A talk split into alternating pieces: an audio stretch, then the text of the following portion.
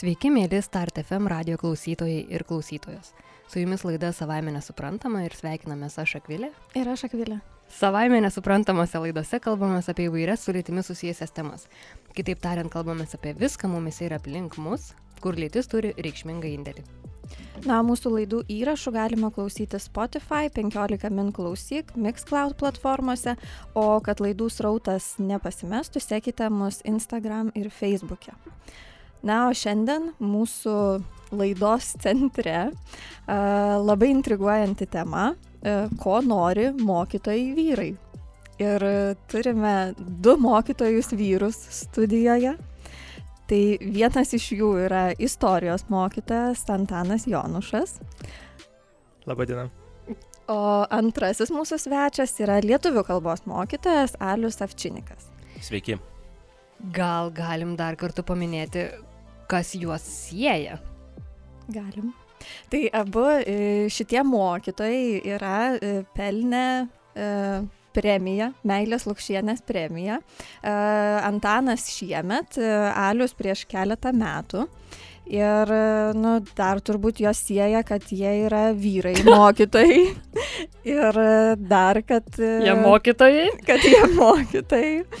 Kad jie Žemės planetos gyventojai. Nu, žodžiu, taip galima daug surasti tų sąsajų. Mes tiesą sakant, kai sudarinėjom šio sezono pro programą ir kai supratom, kad jau kviesimės vien svečius ir neįrašinėsim tų viens ant vieno laidų, kur tik mūdvi šnekamės, supratom, kad mūsų programoje yra vien moterys.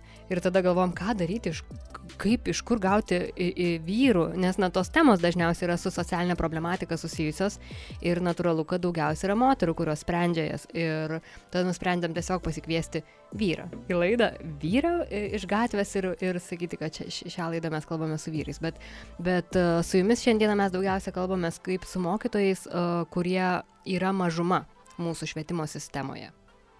Taip, ir iš tikrųjų m, procentai liudija, kad e, visai mažai, ten gal 10 procentų yra tik tai mokytojų vyrų, tai absoliučiai tokia minimali grupė žmonių. Tai čia statistiškai labai keista, kad jūs met vienoje patalpoje dviese. čia ta koncentracija tokia didžiulė. E, bet iš tikrųjų, tai tada gal ir pereikim prie pirmojo klausimo. Tai jūs esate mažuma ir kaip jūs jaučiatės, ar tai suteikia jums kokių nors privilegijų, o gal kaip tik atvirkščiai? Šiaip norėčiau patikslinti, kad pagal Eurostato duomenis, tikrinau prieš kokį gerą mėnesį, 24 procentai Lietuvos mokytojų yra vyrai. Tai yra a, daugiau negu Latvijoje, kai ten yra 23 procentai ir tai yra dvi prašiausios šalis, šitą prasme, Europos Sąjungoje. Mm. O Sąjungos vidurkis nesiekia pusės, 38 beros procentai. Tai a, kaip be būtų vis tiek mažuma. Taip, aš dabar pasiaiškinsiu, kodėl aš tai pasakiau. Mano žinios tiesiog reiškia yra pasenusios, nes aš žiūri, tikrinau jas, nu jau tikrai senokai tą statistiką. Tai va, gera žinia, padidėjo skaičius mokytojų prieš, prieš kokius per tris metus, va, išaugo jau šiek tiek. Gal ten reiktų patikrinti metodologiją ir skaito, pavyzdžiui, prieš mokyklinio ugdymą, nes prieš mokykliniam ugdymą, jeigu sutiksit vyrą, tai, mm, tai jau ypatingas atvejis. Tai čia bus vienaragis, tas jau sistemos vienaragis. Mhm, tai kaip jūs, kaip ar, ar, na, gal čia toks kaip pradžiai per, per žiaurus klausimas, mes niekiek neapšilom ir mes jau klausim, tai kaip jūs jaučiatės būdama, būdami mažuma, ar, ar, ar yra jausmas, kad jūs esat mažumoje mokykloje? Tai aš gal ir pradėsiu, galiu, Aliu, ar ne? Tai iš pradžių uh, man tai visiškai nerūpėjo, nes uh, norėjau būti istorijos mokytoju ir tapau istorijos mokytoju ir esu. Um, nuo pat vaikystės ar paauglystės labiau, galbūt net labiau man sekasi bendrauti su moterimis. Tai man kažkaip buvo visai natūralu aplinka, kur daugiausiai yra moterų. Ir apie tai net nesukdavau savo galvos, dariau savo darbą ir tiek. Kai įsitraukiu litiškumo ūkdymo temas, pradėjau labiau reflektuoti viską, susijusi, na, kas susijęs su litiškumu. Ir supratau, kad velnės, jeigu aš būčiau moteris, aš a, nedirbčiau mokykloje toje, kurioje dirbu, nes manęs nebūtų priemę. Nes tuo metu, kai ieškojo istorijos mokytojo, ieškojo būtent mokytojo, o ne mokytojos. Mm, norėčiau, kad man būtų to nepasakė iš tikrųjų, nes tai buvo mano privilegija.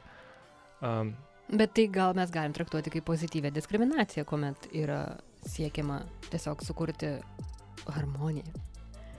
Galbūt, bet čia kaip ir... Galbūt. Čia kaip ir pasikvieskime į laidą vyrų, nes trūksta moterų, arba priimkime į darbą vyrą, nes trūksta moterų, arba a, priimkime daugiau, tai yra išrinkime daugiau moterų į parlamentą, nes jame trūksta moterų. Tai kažkaip norėtųs, kad tai a, spręstume problemą, jeigu tai yra problema kažkaip iš pagrindų, o ne taip dirbtinai, nu pakvieskime dabar, priimkime, mhm. padarykime kvotas ir panašiai. Mhm. Mhm. O kaip paliau, tu jau tiesiai nešiai harmonijos į savo mokyklą?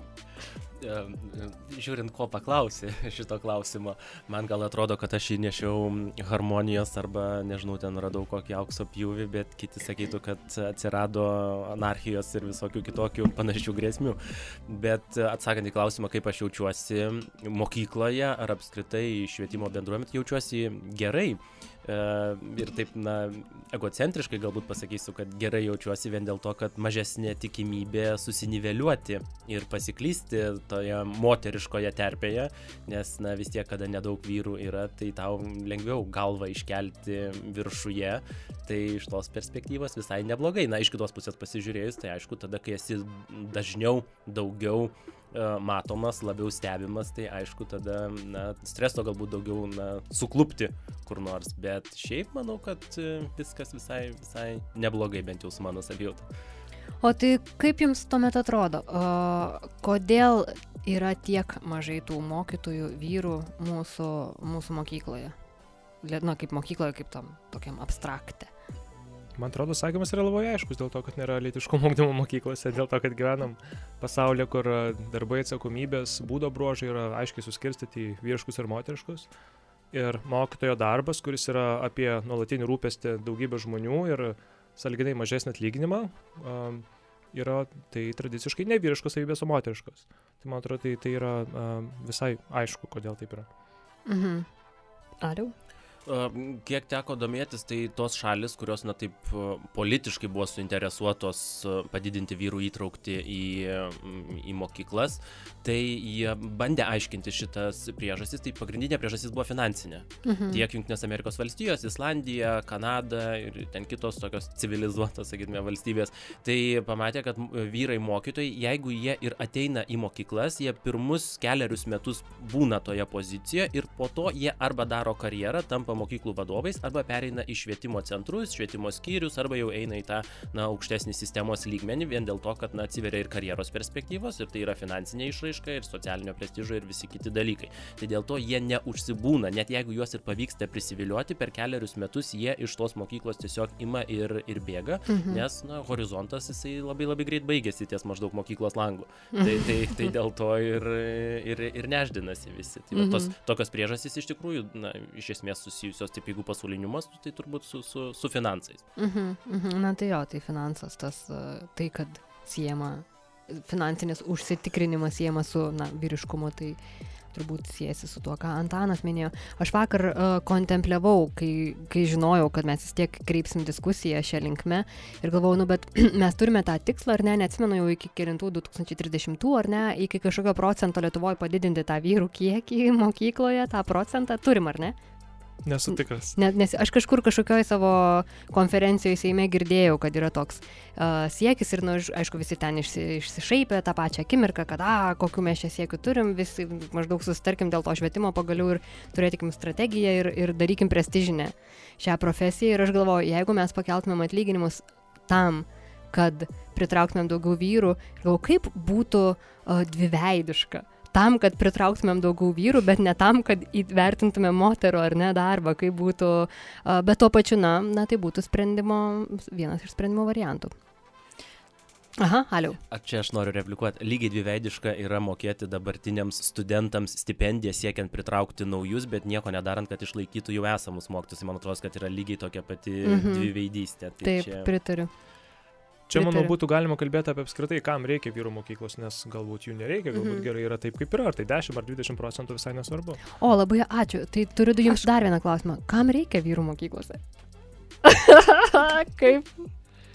Uh, šitas klausimas uh, mokslininkų dėmesio yra sulaukęs nemažai ir yra studijų ir atsakymų ir pagrindė dominuoja tokie atsakymai, kad uh, tai neturi nieko bendro su mokinių pasiekimais, nes uh, kartais išgirstama, kad uh, vyras mokytas geriau išmokys, tai maždaug ir kvies, pasikviesime profesionalų mokytojų, tai nieko panašaus. Čia su lytimi nesusiję. a, didžiausias argumentas, svarbia, svar, svariausias ir daugiausiai besikartojantis argumentas yra tai, kad vyrai mokytojai mokyklose gali tapti pavyzdžiu mokiniams, kaip vyras a, dalyvauja toje nestereotipinėje lyties rolėje. Ne tas dominuojantis alfa patinas, bet tas, kuris rūpinasi, kuris išklauso, kuris padeda, nes čia mokytojo darbo esmė. Ir čia mes atsiduriam tokiam užbur, užburtame rate, kuomet a, mokytojų yra mažai mokykloje.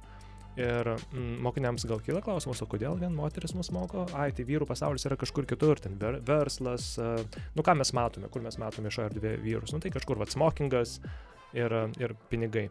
Na ir tada... Ir pypkė. Taip, ir mes reprodukuojame va tą, kad tokios lyčių rolės yra. Ir kitas dalykas, tai daugiau vyrų mokyklose leistų daugiau berniukų jausti tą sense of belonging vadinamą, tai jausmą, kad turi į ką kreiptis, kad tu pritampi, kad tu esi toje vietoje, kur yra panašių į tave. Tai šitie du argumentai iš tikrųjų, nestereotipinės lyčių rolės ir tas priklausimo jausmas dominuoja tarp studijų. Mhm. Aliau, kaip. Na, aš sutikčiau, Mhm. sutikčiau visiškai, dar galvoju, kad, na, dažnai tą mokytojo profesiją lydi tokia stigma, kad tie didieji protai į mokyklas ne, nenukeliauja.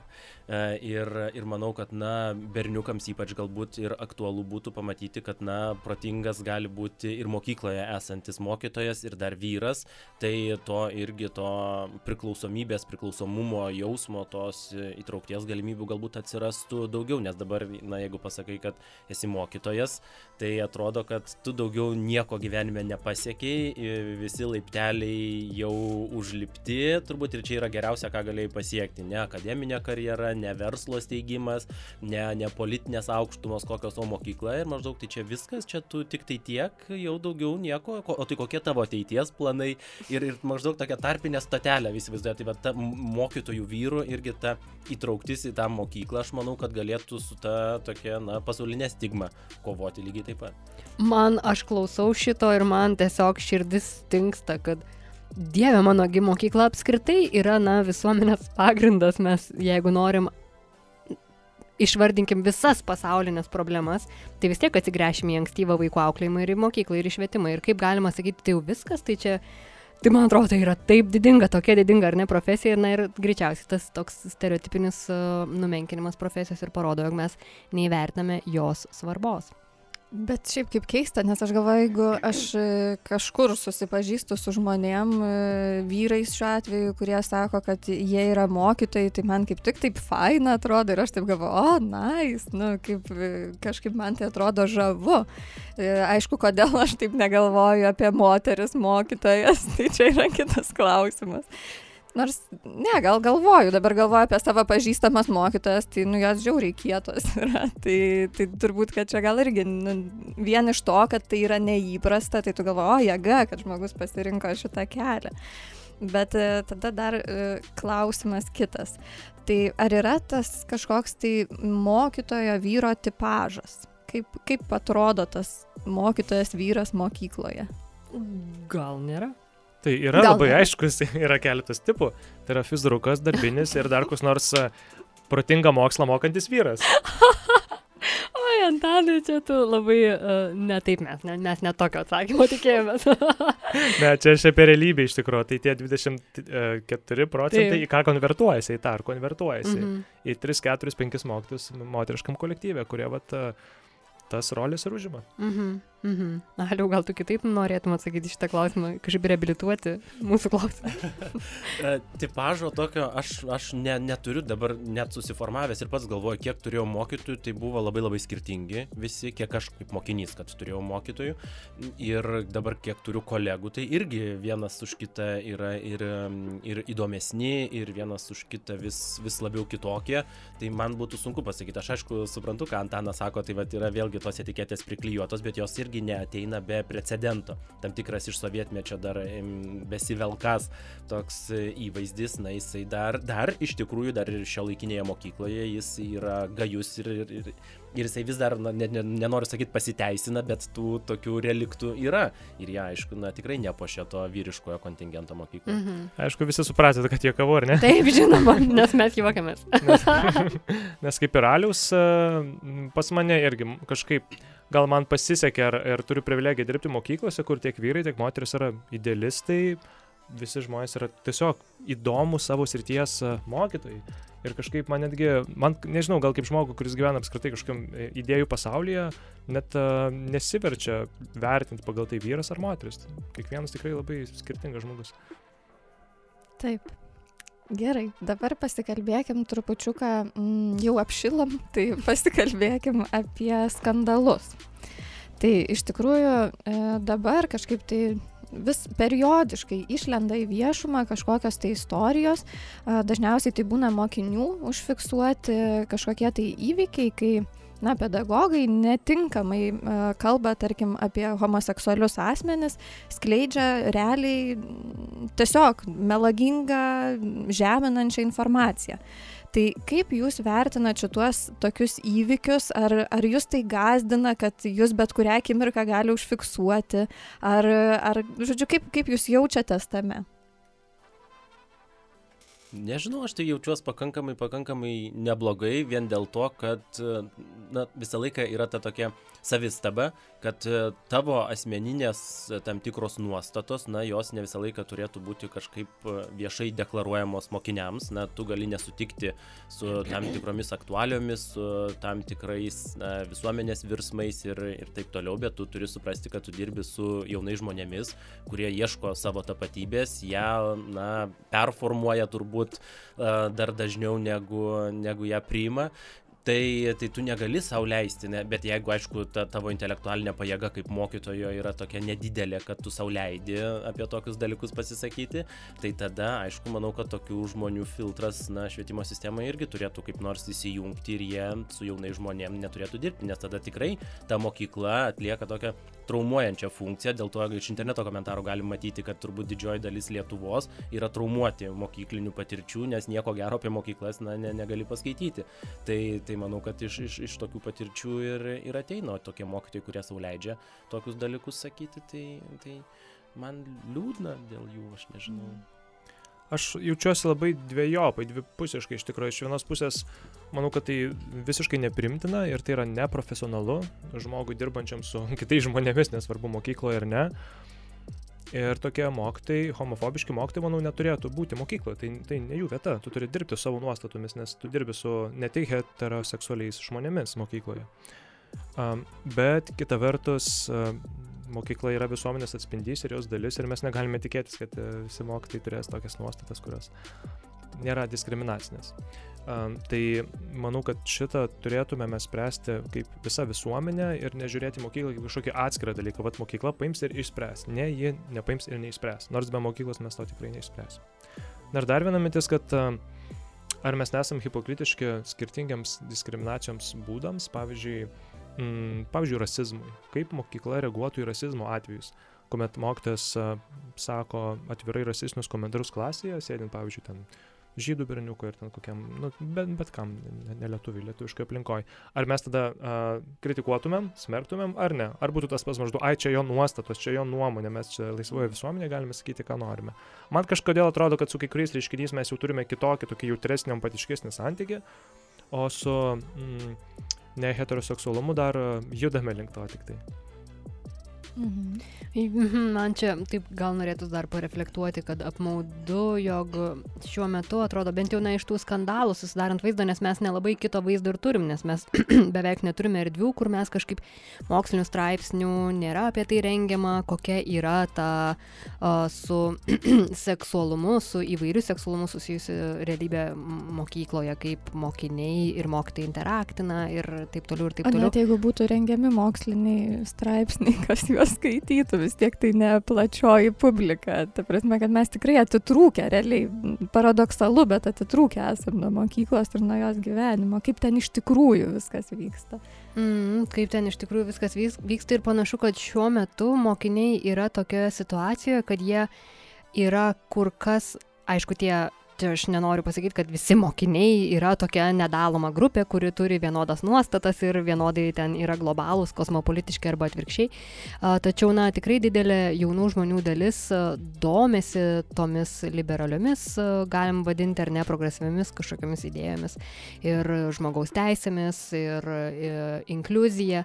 Ir tuo pačiu jie yra palikti vieni patys dėrėtis dėl savo tapatybių ar dėl savo klasiokų tapatybių ar kažkaip apginti tuos idealus, kuriuos jie turi, nes mm, kaip jums atrodo, ar jie turi į ką kreiptis, į kažkokį tokį, mm, gal autoritetas per skambu žodis, bet tokį na, suaugusiojo galę turinti asmenį ar instituciją ar kažkokią organizaciją, kad jie kažkaip galėtų na, bendradarbiauti, kažkaip atstovėti savo tuos idealus kartu, o ne, o ne po vieną.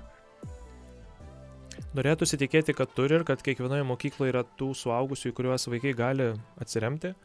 Ir vietos, kuriuose aš dirbu, manau, yra mm, daugiau mažiau saugios šitą prasme, kuriuose tikrai dirba nuostabus, empatiškai klasių auklėtojai, mokyklų psichologai ir kiti specialistai.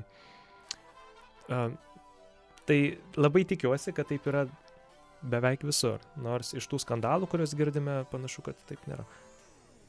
Tai mes, kadangi dirbam na, sostinės mokykloje, kada bendras tas uh, pojūtis turbūt buvimo uh, žmogumi, nesvarbu, kokią tu tapatybę renk, renkiesi ar, ar priskiri savo ir visą kitą, tai aišku, Vilnius diktuoja visai, visai kitokį požiūrį ir, ir galbūt miesto žmonėms lengviau, tai vat, mums ir lengviau, gal taip klaidingai galim ir įsivaizduoti, kad jie turi kur kreiptis, bent jau aš kiek matau iš savo mokinių, uh, kurie apskritai įsitraukia į na, tokį, tokius judėjimus už žmogaus teisės už įvairovę, um, politinės valios sklaidą kokią ir visą kitą. Tai jie, aišku, tie sąmoningiai mokiniai, tai jie žino visus kanalus ir jie dar galėtų mus pačius mokytus nukreipti, kur gerai dirba maždaug mhm. su tuo. Bet tikrai yra tokių mokinių, kurie, na, savo dar ne visą laiką drįsta prisipažinti. Tai apie kokias nors paieškas kitų kanalų, kur, kur, kuriais galėtų tą savo tapatybę ištransliuoti, kad jie ieškos, tai manau, kad labai labai sudėtinga. Ir jeigu mokykloje yra dar tokia, na, sakytume, nežinau, vieša paslaptis ar kokia nors tokia, na, net nežinau, nuostata, kad maždaug čia yra tik tai vietos tradicinėms vertybėms ar dar kokių nors dalykų, tai tikrai nepadeda. Mhm. Tai, tai mokyklos turėtų, na, tikrai permastyti savo tą filosofiją arba požiūrį į žmogų apskritai, ar jeigu jie tokį turi, o ne šiaip tiesiog būti tokia, na, biurokratinė institucija, kur žmogus yra tik statistinis vienetas. Mhm. Viešai deklaracijų įvairiausių yra, kad mums rūpi žmogus ir visa kita, bet kada susiduri su tikrovė, matai, kad pirma yra lentelė, pirma yra kokia nors ataskaita, o už jos tik tai ten kelintoje eilėje stovi žmogus. Tai čia yra to, ta, tokia tikrovė, kad žmogus ten ne visą laiką ir, ir randa vietos netgi toje pačioje mokykloje. Mhm. Tai aš girdžiu, kad, na, esant aktyvistais, aktyvistėmis, mokiniams, na, jie turi erdvę, kur jie burtis, kažkaip sieti savęs organizacijomis, tačiau kuomet tu išgyveni savo kažkokį tapatybinį suvokimą, kad galbūt aš esu homoseksualus, biseksualus, translytis, ar tiesiog abejoji, kad kaip čia yra su manim, ieškai savęs, tai tuomet, na, tie žmonės, jeigu jie ne iš aktyvistinės, bet iš tos grinai uh, savęs pažinimo pusės, jie lieka labai dažnai vieni patys, ar ne, na, toj tokioj mėsmaliai, kur, kur žmogui nebūtinai yra pakankamo dėmesio. Na arba tarp bendraamžių jie randa tam tikrą paspirtį aš sakyčiau na jeigu mes nekalbam apie tuos kaip jūs sakot autoritetus arba suaugusius žmones ar kokią nors instituciją ar ten savanori savanorišką kokią veiklą užsiimančią organizaciją bet jie tada buriasi na į grupeles jie jie jie tarpusavy jie jie puikiausiai bendrauja aš kiek matau pavyzdžių tai jie ten dėl vieni dėl kitų galvas galėtų guldyti ir visa kita jeigu vieną kartą pats žmogus negali už save pastovėti arba kas nors nesiseka ar dar kas nors tai ateina ir pakalba ir ir nuveikia ir ir visa kita. Tai vat, labai gerai, vat, kuo mane žavi šio laikinis e, jaunas žmogus arba jauni žmonės, tai jie tarpusavį labai labai gražiai susikabina. Tai tos to tokios bendruomenių kūrimo patirtis tokios, na, tikrai, tikrai įkvepiančios. Ir kada pamatai, kad, na, jie vaikšto, skaito poeziją kartu kur nors atsisėdė, jie eina kartu į teatrus, į parodas, jie organizuoja akcijas įvairiausius, visą kitą, tai tada matai, kad tos šviesos yra daugiau negu dažnai mes galim pamatyti. Mhm. Aš manau, čia dar du dalykai svarbus yra, tai ar mokykloje yra a, bendra tokia pagarbos atmosfera, ar litiškumo temos egzistuoja, ar mokykla turi kažkokią poziciją šitomis, šitomis temomis ir gali aiškiai jas išsakyti ir vadovautis jomis. Nes a, Būtų gerai, jeigu mokykloje neheteroseksualus vaikas jaustųsi įtrauktas, kad jis nėra kažkoks išskirtinis, jis neturi slėpti savo tapatybės ar savo jausmų, kad jis gali drąsiai susikabinės rankomis su savo partneriu ar partneriu perėti koridoriumi ir uh, jis nepatirs patyčių. Jeigu patirs, jas bus reaguojama. Kaip tai pasiekti, tai manau, kad čia tas antras dalykas yra visiškas nesusipratimas ir didžiulė skilė, kad rengiant mokytojus, litiškumas kaip reiškinys neegzistuoja mokytojų rengime. Tai jis turėtų ten būti, kad mokytojai dar ruoždamėsi būti mokytojais, turėtų bent bazinį supratimą, kas yra, pavyzdžiui, skirtumas tarp biologinės lyties ir lytinės tapatybės, tai jau būtų neblogai. Na ir tada mes jau galime mokykloje kalbėti apie kažkokias nuostatas, apie kaip mes reaguojame, į, pavyzdžiui, transfobinės patyčias, tai mes turime iš pradžių žinoti, kas yra transfobinės patyčias. Mhm. Čia labai mhm. gera pastaba, kad nes net ir mokytojai, man, man rodos, litiškumo ūkdymą supranta kaip apie tokį jauno žmogaus parengimą reprodukcijai.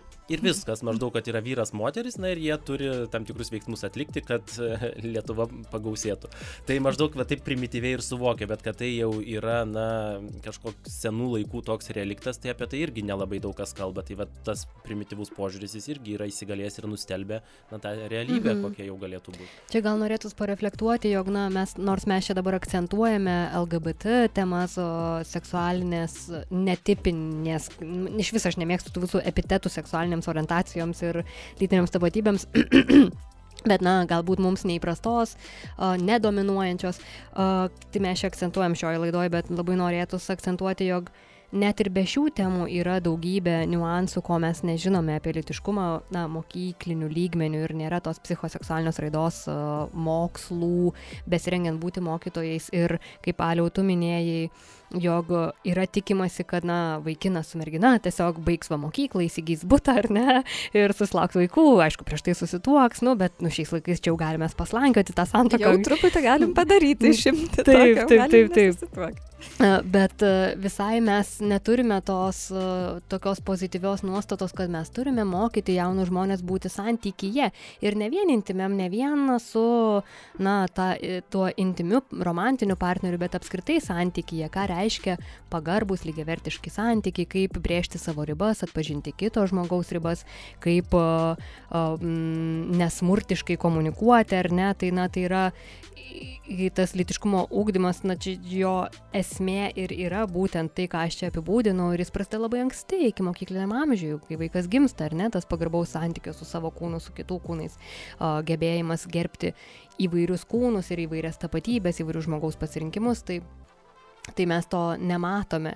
Ir man toks yra apskritai paradoksas, aš šiuo metu kažkaip dažnai kartoju tą savo suvoktą paradoksą, kad kas realiai mokiniui nutinka svarbiausia mokykloje, tai yra greičiausiai tas brendimas, ar ne? Na, tas, tas tapatybės uh, procesas, tapatybės virsmo procesas, kuomet tu iš to vaikystės amžiaus, kuomet tu tiesiog per žaidimą susikūri draugus, ateini į kitą amžių, kuomet tu renkiesi jau savo tuos draugus dėl vertybių kažkokių ar ne, dėl kažkokio požiūrio į pasaulį, dėl pasaulievokos ir išbandai tuos uh, išsiskirimus ne vien su romantiniais, bet ir su tikrais draugais išsiskiri, uh, susitaikai.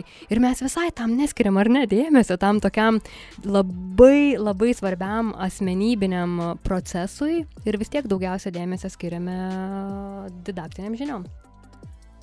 Aš čia dedu didelės viltis į gyvenimo įgūdžių programą, kuri, tikiuosi, ne už kalnų pasieks mokyklas. Ir jos įgyvendinimą, kuris e, galbūt bus nuseklesnis, sklandesnis ir aiškesnis negu buvo e, SLURŠ programos. SLURŠ tai sveikatos lėčiškumo ugdymo rengimo šeimai programa. Kodėl tu čia tokias viltis? Kas, kas man va įdomu, aš kadangi esu skeptikė, apskritai pokyčių, man atrodo, nu, o kas tau atrodo, kad čia galima tikėtis vilties kažkokios? Nes toje programoje didžiulis dėmesys ir skiriamas būtent emociniam, socialiniam intelektui ir vis, visam tam, ką tu ką tik apibūdinai. Gebėjimui kurti, palaikyti, puoselėti santykius, suprasti save tose santykiuose, kas yra ir litiškumo, ar šiaip buvimo žmogumi esmė. Ir kas turėtų būti mokykloje svarbu šalia akademinių žinių bet čia tada reikia labai labai kompleksinių tokių pokyčių net jeigu ir ta programa atsirastų kaip atsiranda labai daug gražių dokumentų lietuvoje ypač su švietimu ir visokiais kitokiais Oi, koks gražus pokyčiais. dokumentas, va žiūrėk, naujas, taip, gražus koks. Taip, ir, ir, ir visi išmoksta terminologiją ir, ir tuo ir baigėsi. Maždaug visi vartoja tas savokas, bet iš esmės niekas e, nekinta turinio lygmenį. Tai šiuo atveju, tai kalbant apie to dokumento ar ten programos pasirodymą, tai vis tiek reikia kalbėti ir apie mokytojų rengimą, kad mokytojai gebėtų su tuo dokumentu dirbti. Čia ir ir ypač labai didelis, didelė atsakomybė būtų klasių auklėtojams, juk jie daugiausia klasių valandėlių metu dirba, o dabar klasių valandėlės, na, mes žinom, kaip vyksta. Pasirenk renginiui, suorganizuok ekskursiją, ten dar atėjo kokia nors teta ar, ar koks nors dėdė irgi pašnekėjo apie maždaug, kodėl čia mums reikia būti pilietiškiams, arba kodėl nereikia čia vartoti kokių nors e, medžiagų ir, ir, ir taip toliau. Ir, ir baigėsi tuo tas ūkdymas atėjo, pasėdėjo, paklausė visi, galvom palingavo, kas pamiegojo, kas pagulėjo ir, ir viskas. Tai šiuo atveju, na, tai turi dinkti iš to švietimo visos mūsų sistemos fragmentacija. Vieni kalba apie vieną, kiti kalba apie kitą, metai tarpusavį nedėra, tyrimų jokių nėra, niekas nežino, kaip čia kas vyksta ir maždaug visi daro iš intuicijos. Tai vad gerai, kad kas kieno ta intuicija, nežinau, įgimta ar, ar pakankamai išvystyta, tai dar ir turim rezultato, bet kalbant apie nuoseklumą, profesionalumą ir tą nuoseklų tokį darbą, tai nieko nėra. Yra graži intencija, bet jinai ties ten ir baigėsi arba geriausiu atveju gražiu, kaip jūs sakote, dokumentu ir viskas tai va čia va tų gražių dokumentų turim tikrai tikrai labai daug mm, jų turim jų turim Aš dar noriu šiek tiek e, atsigręžti į mokinius, noriu šiek tiek apie juos e, pakalbėti. Tai man atrodo, kad galbūt tai, ką mes čia dabar bendraujam ir kalbamės, tai susiję ir su pasikeitusiais laikais.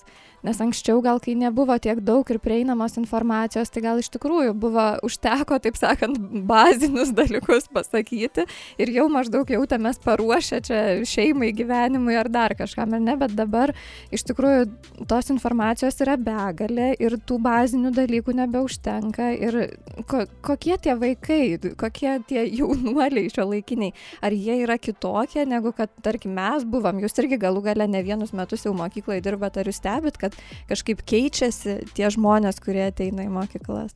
Ar jie laisvesni, drąsesni? Ir čia galbūt netgi įdomiausia būtų akcentuoti būtent santyki su lytimi, litiškumu, nes aš mhm. bent jau kaip galėčiau apibūdinti savo kartą, kad mes turėjom labai tipinį, stereotipinį, labai tokį brutalų, labai nepaslankų, statišką santykį su lytim, kad mes tiesiog atkartojom tas labai griežtas kultūrinės normas ir buvo daug priekabiavimo, buvo daug e, šlikščių išsiskirimų, na, žinoma, ir daug gražių jausmų, bet nebūtinai aišku, kaip juos suvaldyti ir ką su jais tauriai nuveikti. Tai, tai akcentuojant litiškumą, kaip jūs galėtumėt, kokį portretą šių jaunų žmonių nupiešti laikų ar besikeičiant kartoms?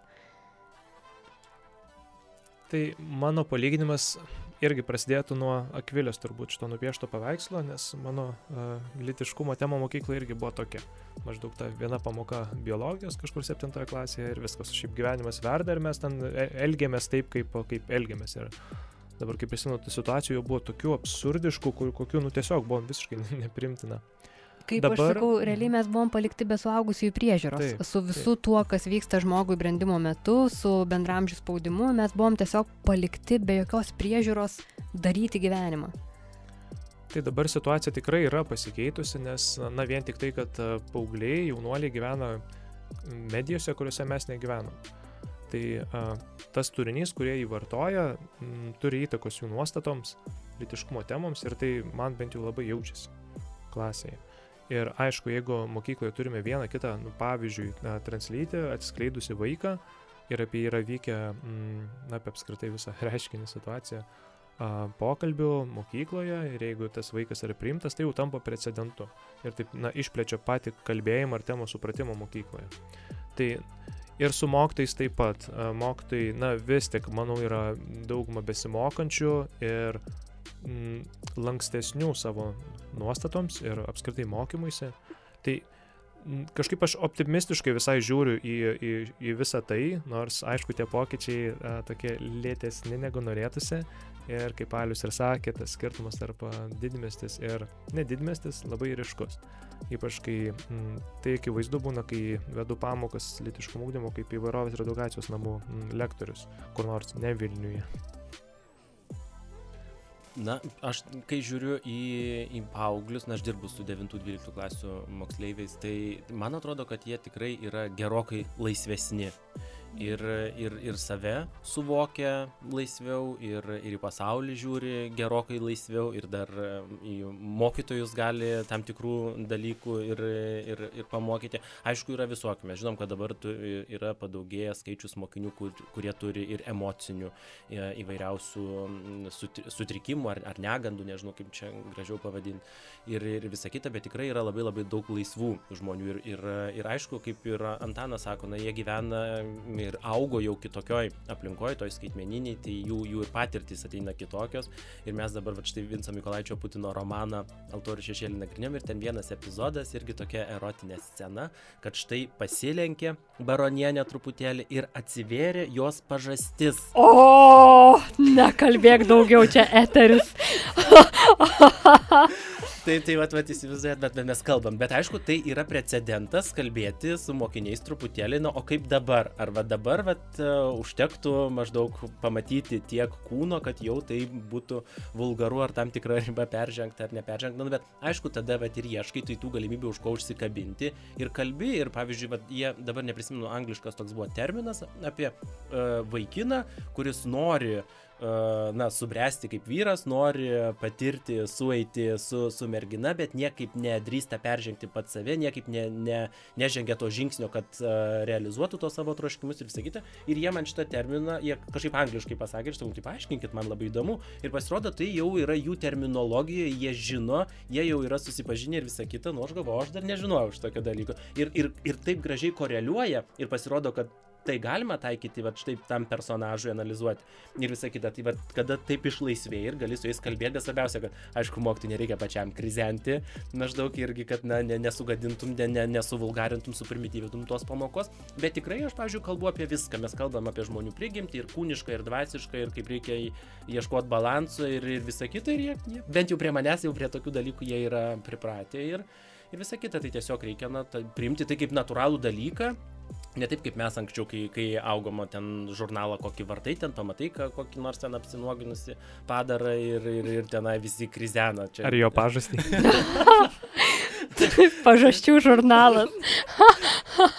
tai, tai, va, tai dabar jau šitokių dalykų, jie nebenustebinsi. Dabar šio laikinį mokinį tikrai labai sunku tokiais dalykais, man atrodo, nustebinti ir apie tai kalbėti jie priima labai labai natūraliai visus tuos, tuos procesus ir jie mato ir grėsmės, ir rizikas visas, ir, ir visa kita. Ir tai, tai ne, nebėra nei, nei tabų, nei, nei kažkoks stebuklas. Nors tuo pačiu papildyčiau alių, na kaip aš jaučiu, kad šita tema atrodo, kad taip jauni žmonės turi kitokias nuostatas, jie gyvena kitoje medijoje, e, ir nuo pat gimimo ten praktiškai buvo, bet tuo pačiu jie yra išlaikę tokių įdomių uh, stereotipų, ypač su lytimi susijusių, arba santykis tarp vyrų ir moterų, na, vaikinų, merginų būna toks uh, vartotojiškas kartais, toks keistas.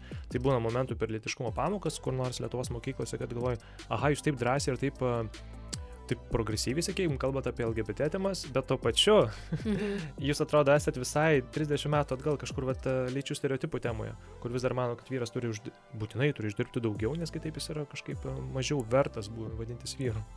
Ir būtinai dar sumokėti pirmo pasimatymo metu būtinai. suvalgytus visus patys. Taip, čia labai gaju vis dar yra tos tokios nuostatos.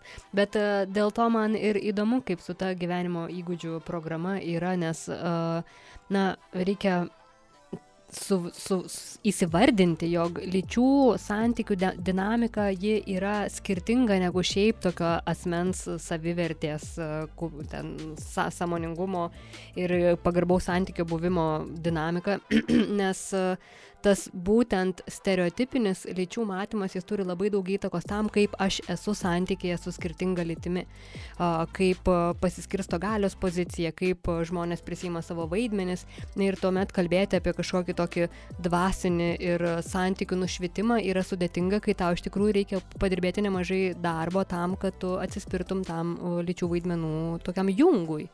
Tai dėl to neįmanoma išspręsti tų lyčių lygybės liūdnų statistikų, seksualinio smurto, priekabiavimo, visos pandemijos pandemijoje, nedirbant dar ir išskirtinai su na, to pjūvio nepadarant, tam nesuteikiant kompetencijų žmonėms, kurie dirba su tomis temomis, kaip, kaip dar ir tas temas inkorporuoti, kaip jas perdirbti, kaip suaktyvinti kritinį mąstymą.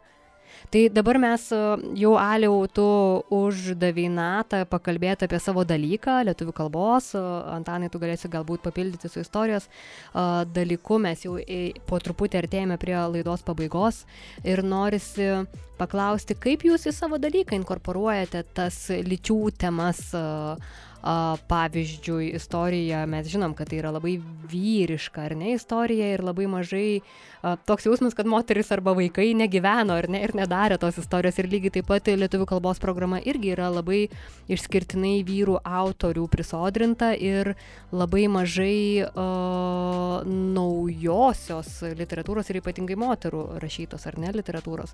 Tai ką jūs darote su tais dalykais ir kažkaip, nu, suprantat mano klausimą, tai eteris jūsų. Aš stengiuosi būti sąmoningas ir savo, kurdamas savo turinį atkreipti tai dėmesį. Ir pavyzdžiui, jeigu kalbame apie vasario 16, tai čia mano šių metų idėja, kitą dieną kalbėti apie vasario 17, kuomet 1918-aisiais įvyko moterų protestas dėl moterų uh, neįtraukimų į Lietuvos tarybą ir apskritai apie tuomet užvedi kalbą apie feminizmą Lietuvoje, va tais prieš šimtą metų ir gali susijęti su dabartim. Nes jeigu ką, tai istorija yra sudabartinta ir mums egzistenciškai svarbi praeitis, kuri kūrė lūkesčius ateičiai. Tai istorija be, praeit, be praeities ir ateities uh, sferų tiesiog yra nereikšminga, man atrodo. Kaip tu sakai, sudabartinta, tai čia pagal programas šio laikinės sudabartinta? Ne, ne, tiesiog taip yra, mes kai kalbam apie istoriją, mes ją įsivaizduojam kaip šiandien ir mes mm -hmm, negalim, supratau. mes neturim pajėgumų iš tikro suprasti, kaip žmonės mąstė ar gyveno taip. ir, ir taip toliau prieš 500 metų, pavyzdžiui.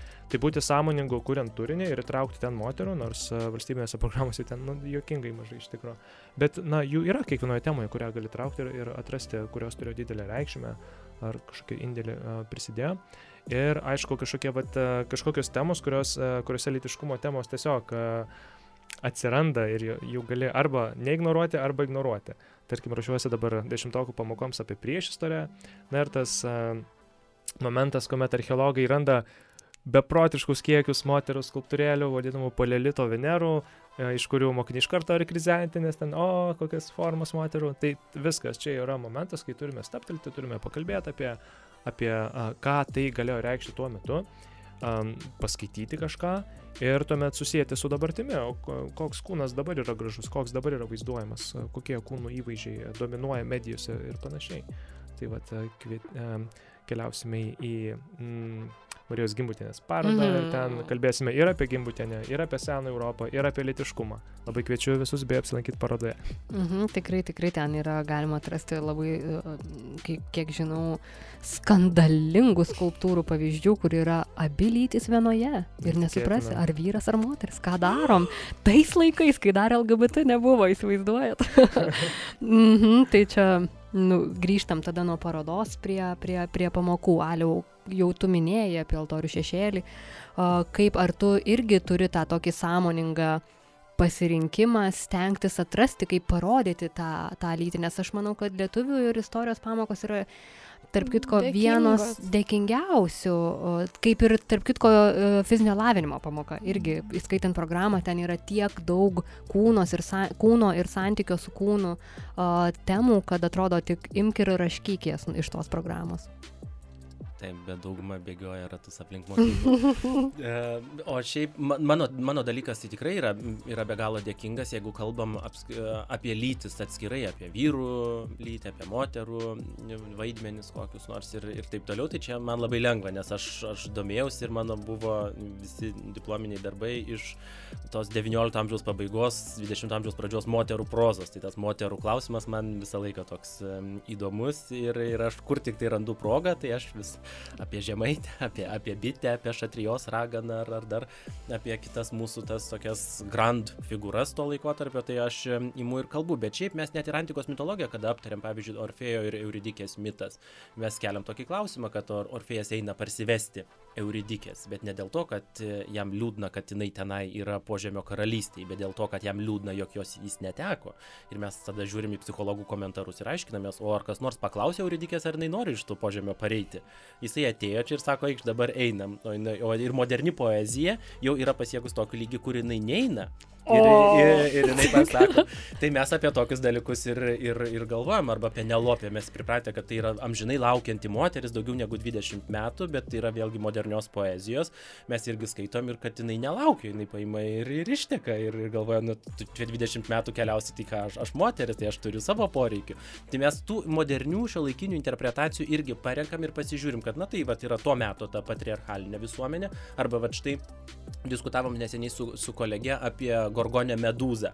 Ja Poseidonas išprievartauja, kad jinai yra labai graži, bet Deivė tai nubaudžia ją pačią ne, nestoja į akistaton su kitu dievu. Tai irgi ką rodo, kad netgi ir moteris prieš moterį eina, bet tai, tai yra tos patriarchalinės visuomenės atspindys, kad maždaug pati kalta. Mhm. Ar ne? Tai va ta mhm. nuostata. Tai va apie tuos dalykus, va irgi, ir pasirodo, ir mokiniai šitos dalykus pastebi, nagrinėdami tuos antikos mitus arba va štai, ir tada ieškai, ieškai būdų, kaip apie tą tokį kintantį požiūrį į moterį, netgi ir iš antikos literatūros, imti ir kalbėti. Tai apie modernę literatūrą, tai jau čia vaižgantas, tai yra modernizmo viršūnė jau, kad sek sekmadienį miške vyras moteriai paslapti pažadėjo pakuždėti ir jinai ne į bažnyčią ėjo, o paslapties išgirsti į mišką. Tai, tai vad irgi tokių niuansų lieka ir tada vėlgi tai akstinas kalbėti apie tą vat, stereotipinį vaizdinį, kad ar moteris yra smalsi, ar, ar ten dar kokių nors tai visokių tų galimybių tikrai tik tai laiko mažai. Mhm. O galėtum kalbėti, kalbėti ir netgi ir apie seksualinio smurto patirtis, tarkim, Antano Škiemos romanas, juk irgi apie tai kalba, apie prievartinę sueigą, galėtume sakyti. Tai bet, bet pro, pro programos nukreipia visai kitom temom kalbėti. Tai vėlgi priklauso daug kas nuo mokytojo, į ką tu atkreipi dėmesį. Mes, pavyzdžiui, vat, pernai skaitėm škėmos romaną, tai mes nagrinėjom per smurto prizmės - psichologinis, emocinis, seksualinis, fizinis ir visi kiti dalykai. Ir mokiniai stebuklingų darbų parengė, bet tiesiog na, reikia rasti raktą. Kaip, kaip tą kūrinį rakinti. Tarp kitko, mano viena kolegė, kuri stipriai domisi lyčių temomis, yra mano a, bendramžiai ir neseniai, neatsimenu, ką tiksliai jinai rašė, bet jinai škėmą reflektavo ir sako, aš perskaičiau iš naujo ir aš supratau, kad ten daug seksualinio smurto. Kodėl, kodėl, kai aš buvau mokykloje, mes visiškai apie tai nekalbėjom, kodėl tai buvo nu, kažkaip normalizuota, kodėl tai nebuvo, na, iškeltas tas klausimas, ar mes jį matom, ar mes atpažįstam, ką mes su juo darom, kaip mes jį vertinam ir kažkaip, na, tos temos internalizuoti. Ir tikrai mes jau, jau kam, kam, bet šiai temai mokykloje turbūt skiriame tik nebent tokio didaktinio dėmesio, kad negalima smurtauti ir reikia pagarbiai, bet kaip, kaip netyčia mes atsidūrėm, ar ne, tose situacijose, kai mes neketinam smurtauti arba kai mes net nesuprantam, kad prieš mus smurtauja ir kaip e, tik vėliau mes atpažįstam, kad vis tik ta situacija buvo, buvo netinkama. Tai nuostabu, žinokit, aš sėdžiu ir galvoju, noriu teleportuotis į savo, į savo vaikystę ir iš naujo susirinkti uh, šio laikinį ugdymą. Taip, ir sudalyvauti tose pamokose, apie kurias jūs kalbat, nors aš galvoju, kad aš turėjau visai kietą lietuvių kalbos mokytoją ir tikrai taip ir buvo, bet kažkaip, nežinau, gal laikai keičiasi, tiesiog kiti dalykai kažkaip tai išlenda į paviršių ir kaip gerai, kad jie išlenda ir kaip iš tikrųjų labai norėčiau sudalyvauti tose pamokose ir kaip pasisekė tiem vaikam. Taip, tai ar dar turėtumėt po kokį linkėjimą m, plačiai visuomeniai, kalbant apie ko nori mokytai vyrai, pavyzdžiui, grįžtant prie laidos pradžios? Aš tai norėčiau, kad mokytai vyrai, kaip ir moteris mokytas, bu, moterys, būtų drąsios šitose temose ir e, nebijotų įtraukti jų į savo pamokas, nes jos yra svarbios temos, jos kartais tiesiog, na, išlenda ir jų negali tiesiog ignoruoti, kaip pat e, dalius pavyzdžiuose ar, ar mano taip pat. Nu, tiesiog šitos temos galėtų būti mokyklos realybės dalis. Aš tai taip labai pragmatiškai pasakysiu, aš norėčiau, kad visi mokytojai uždirbtų tiek, kad jie turėtų užtektinai laiko pasiruošti kiekvienai pamokai taip, kad ji atlieptų kiekvieno mokinio poreikius. Kada mokytojui reikia dirbti per 12 darbų, kad susirinktų šiokį tokį, tokį žmogaus atlyginimą, tai tada tikrai nukenčia ir ūkdymo kokybė ir mes nepastebim tų, tų mokinių, jų poreikių ir, ir negalim ten praplatinti horizontų jokių. Tai aš vat norėčiau to, tada viskas pasidėliotų daugiau mažiau gal kaip nors į savo vietas. Mhm. Labai pantrinu. Ir tuomet nesvarbu, ar tu vyras, ar moteris, ar naujos kartos, ar senos kartos, ar a, dar netėjusios kartos, bet tiesiog, kad žmonės gautų oro atlyginimą už tokį svarbų darbą. Ačiū Antanai, ačiū Aliau. Buvo labai įdomu, labai malonu su jumis pasikalbėti. Ir ačiū klausytojams ir klausytojams, kad klausėte iki galo. Akvirė dar turi žodelį. Tik ačiū ir be pridursi. Ačiū. Tai ačiū, kad pa- pakvietėte. tai, ne, tai ačiū Jums, ne, tai, tai Jums ačiū. tai, tai ačiū, ačiū, ačiū.